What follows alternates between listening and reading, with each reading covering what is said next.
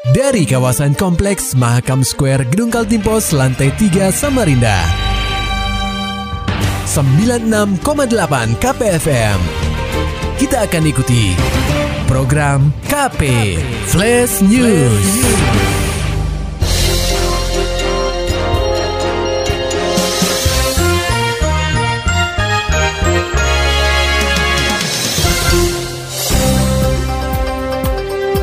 Anda sedang menyimak program KP Flash News bersama saya Agung Pratama.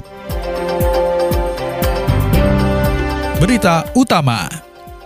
Pendengar KP, tim Haina Satres Narkoba Polresta Samarinda berhasil menggagalkan upaya peredaran sabu-sabu seberat 16,856 kg dari Kalimantan Selatan atau Kalsel menuju Kalimantan Timur.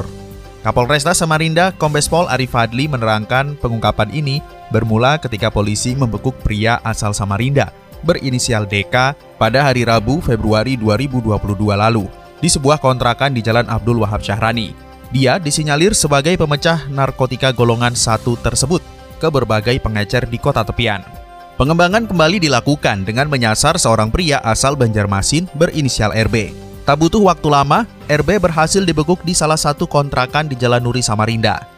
Dari tangan RB ditemukan sebuah koper dan ransel berisi sabu-sabu seberat 16,856 kg dan 0,25 gram ekstasi.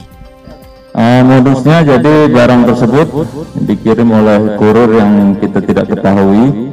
Uh, tiba di kota Samarinda di satu tempat.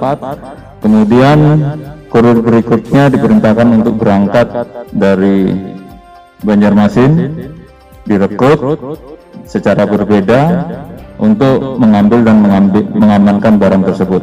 Kemudian nanti untuk peredaran selanjutnya menunggu arahan dari uh, pemilik yang sedang atau saat ini masih kita lakukan pengejaran. Ari menambahkan dua tersangka ini merupakan rekrutan baru. Jika dilihat dari barang bukti yang diamankan, kemungkinan besar ada yang sudah beredar di wilayah kota tepian. 10 juta. Ya, 10 juta untuk berangkat ke sini ke Samarinda, kemudian mengambil barang dan mengamankan barang tersebut. Itu diberikan upah 10 juta. Orang per orang. Ya. Pengedarnya berarti masih di Ya. Kalau nilainya berapa? Kalau kita nilai rupiah ya, kalau kita berbicara rupiah dengan harga sekarang perkiraannya sekitar 17 miliar. Ya, tapi kalau kita berbicara masyarakat yang akan dirugikan atau akan terdampak sekitar 57 ribu orang yang akan terdampak atau menerima akibat dari penyalahgunaan narkoba ini. Untuk sementara, polisi masih melakukan pengembangan dari mana asal barang haram tersebut masuk ke kota tepian. Korps Bayangkara juga terus melakukan pengejaran terhadap pemilik barang yang berstatus DPO. Beralih ke berita selanjutnya, pendengar KP seorang sopir truk bernama Samsir tewas usai terhimpit kendaraannya sendiri di sebuah gudang yang berlokasi di Jalan Kiai Haji Harun Nafsi, Kelurahan Rapak Dalam, Kecamatan Loajanan Ilir, Jumat 18 Februari 2022, sekitar pukul 14.38 waktu Indonesia Tengah. Menurut keterangan petugas, keamanan di gudang tersebut Agus Ganing. Saat itu korban telah selesai memuat pupuk untuk dibawa ke Muara Wahau, Kabupaten Kutai Timur. Ketika itu juga Agus Ganing baru saja keluar dari posnya usai mengambil surat jalan. Muat di dalam, ah. posisi mujur begini. Ya. Setelah habis muat, dia arahkan mobil menghadap ke depan dengan alasan supaya cepat, enak, mudah keluarnya.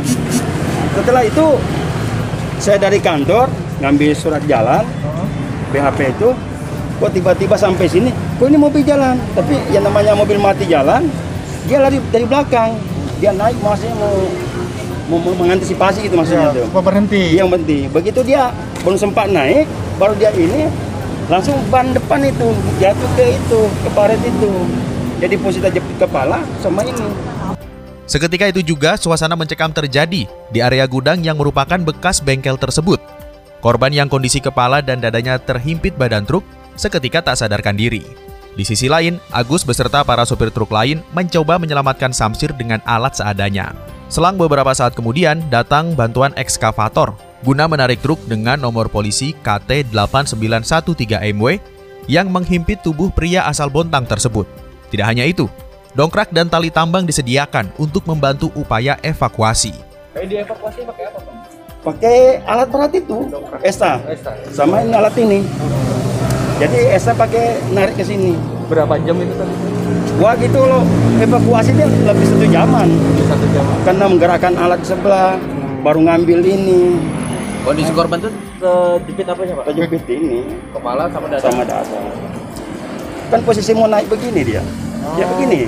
Oh. Nah, jadi begitu meset langsung kepala ini sama ini. Artinya saat, saat dievakuasi masih sadar. Oh udah udah enggak ini Udah, memang sudah nggak bisa ini. Bisa tertolong langsung udah ada ini gerakan. Sayangnya nyawa Samsir tidak tertolong lagi saat dalam perjalanan menuju rumah sakit. Saat ini, jasad Samsir masih berada di rumah sakit IA Mui Samarinda dan rencananya akan dibawa ke Bontang untuk dimakamkan. Sementara itu pendengar KP cakupan vaksinasi lansia masih rendah. Pemerintah maksimalkan upaya door to door. Laporan selengkapnya akan disampaikan reporter KPFM Samarinda, Muhammad Nur Fajar. Pelaksanaan vaksinasi terhadap lansia di kota tepian terus digenjot guna menekan angka kematian akibat wabah COVID-19. Hal tersebut dilakukan lantaran lansia merupakan kelompok masyarakat yang sangat rentan meninggal dunia ketika terpapar virus yang bermula dari Wuhan tersebut.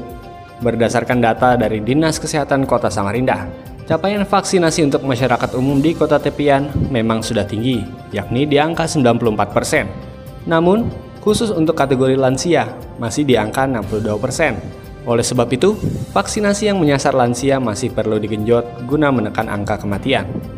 Menyikapi hal itu, Wali Kota Samarinda Andi Harun mengatakan, dirinya sudah memerintahkan camat, lurah dan ketua RT untuk melakukan pendataan kepada lansia yang belum melakukan vaksinasi. Jika tidak ada keluhan medis, maka pihaknya akan segera melakukan vaksinasi di setiap kelurahan. Memang pelaksanaan vaksinasi massal di gedung-gedung dirasa sudah tidak efektif dilakukan karena tingginya capaian vaksinasi. seluruh kelurahan di Kota Samarinda melalui ketua-ketua RT untuk melakukan pendataan eh, khususnya lansia yang belum tervaksinasi sekaligus untuk mengetahui eh, apa sebab eh, atau alasan lansia-lansia tersebut para warga kita yang terkualifikasi lansia tersebut belum melakukan eh, vaksin dan yang tidak ada alasan medis maka kita akan segera melakukan vaksinasi eh, di setiap kelurahan. Seperti yang saya sampaikan bahwa untuk melaksanakan vaksinasi massal seperti biasa berpusat di sebuah gedung, di sebuah tempat, eh, itu sudah agak sulit karena capaian vaksinasi kita sudah mencapai eh, 94% lebih. Sehingga memang kita harus proaktif door to door untuk mencari warga kita yang belum vaksin dan eh, terutama kita prioritaskan dulu lansia. Lebih lanjut, orang nomor satu di kota tepian ini meminta agar seluruh camat dan lurah di Samarinda untuk lebih menggalakkan sosialisasi dan memperketat penerapan protokol kesehatan di wilayahnya, sehingga penyebaran kasus COVID-19 mampu ditekan. KPFM Samarinda, Muhammad Nur Fajar melaporkan.